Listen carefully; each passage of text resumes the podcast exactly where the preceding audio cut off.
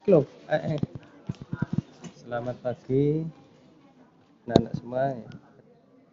Kali ini kita akan membicarakan tentang pola keuangan serta interaksi antara desa dan kota. Nah, untuk membicarakan pola keuangan dan interaksi desa dan kota, kita mulai dari pola keuangan desa yang pertama. Yaitu yang pertama ya tentang pengertian desa.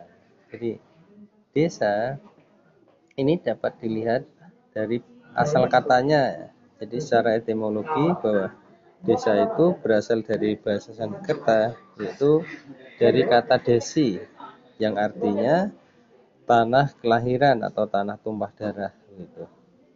Ini kalau pengertian desa berdasarkan asal katanya. Tetapi dalam perkembangannya kemudian di kalangan para ahli geografi sendiri ini memberikan pengertian yang berbeda-beda antara ahli satu dengan ahli yang lain terkait dengan konsep desa.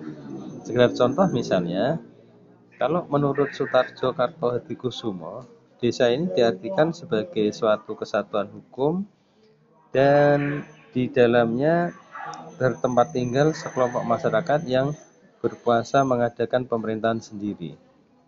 Kemudian kalau menurut Pintarto bahwa desa adalah suatu perwujudan geografi yang ditimbulkan oleh unsur-unsur fisiografi, sosial, ekonomi, politik, dan budaya, serta memiliki hubungan timbal balik dengan daerah lainnya.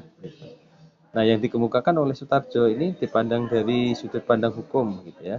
Sehingga di situ dikatakan bahwa desa ini eh, masyarakat yang bertempat tinggal, ya, yang berkuasa mengadakan pemerintahan sendiri.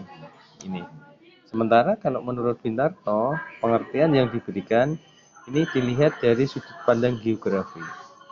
Sementara kalau menurut Undang-Undang Nomor 22 Tahun 1999 dikatakan bahwa desa adalah kesatuan masyarakat hukum yang memiliki kewenangan untuk mengatur dan mengurus kepentingan masyarakat setempat berdasarkan asal-usul dan adat istiadat setempat yang diakui dalam sistem pemerintahan nasional dan berada di daerah kabupaten.